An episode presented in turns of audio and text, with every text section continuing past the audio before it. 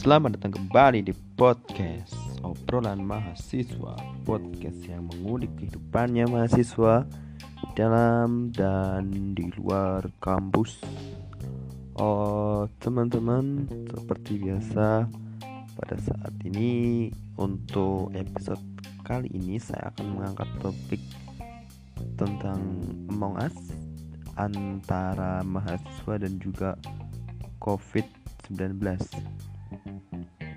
COVID-19 sudah berjalan sekitar 7 bulan terhitung sejak bulan Maret.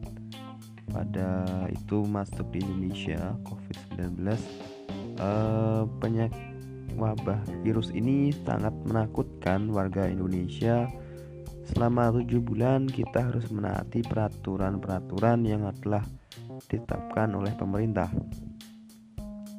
dalam hal ini saya akan membahas topik yang berhubungan dengan mahasiswa. Mahasiswa sebagai kaum kaum pelajar termasuk yang adalah kaum yang menempuh perguruan di yang menjalani pendidikan atau menempuh di perguruan tinggi rasanya juga menambah juga merasakan imbasnya dalam hal mencari pengetahuan dalam hal perkuliahan, mahasiswa terganggu dengan keberadaan COVID. Dahulu awal mula COVID begitu gencar-gencarnya, begitu diberitakan sangat besar, COVID menakutkan. Akhirnya pihak pemerintah menetapkan regulasi bahwa pembelajaran dilakukan secara daring. Tentu hal ini untuk mengantisipasi menularnya wabah COVID-19 yang lebih besar. Uh, setiap perguruan tinggi menerapkan regulasi yang berbeda-beda dalam hal ini, tapi yang jelas intinya adalah waktu itu daring bagi mahasiswanya. Namun ada sebagian kecil yang diperbolehkan hanya untuk keperluan tertentu. Ini jelas sebagai bentuk preventif yang dilakukan oleh pihak kampus.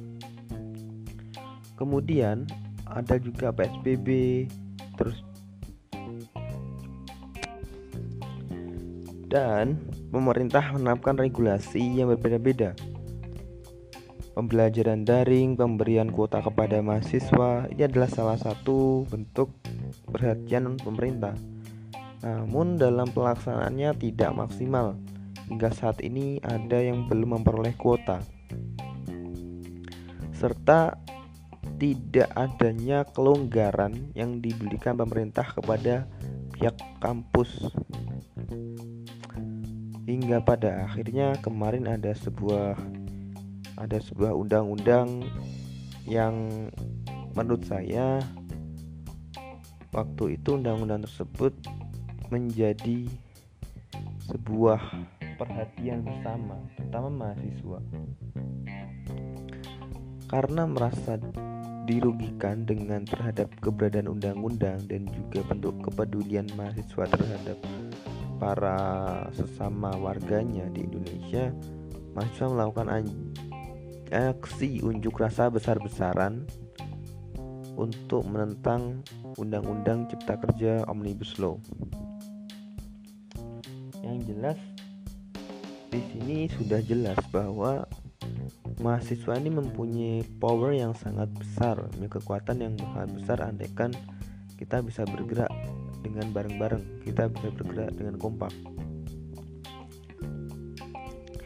Uh, saya menyimpulkan, langsung saja saya menyimpulkan bahwa intinya adalah pemerintah ini harus bisa memberi kelonggaran setiap kampus untuk memberikan kebijakannya terkait dengan pembelajaran karena selama ini banyak sekali keluhan yang menyatakan pembelajaran yang dilakukan secara daring tidak maksimal. Apa yang didapat oleh mahasiswa ini juga tidak sesuai harapan.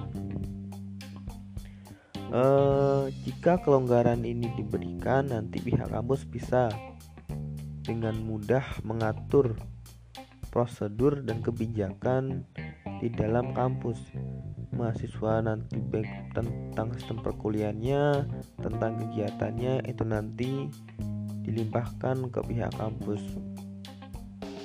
jelas nanti harus tetap ada koordinasi dengan bagian-bagian yang ada di atas karena ini menyangkut masalah keselamatan bersama bukan hanya individu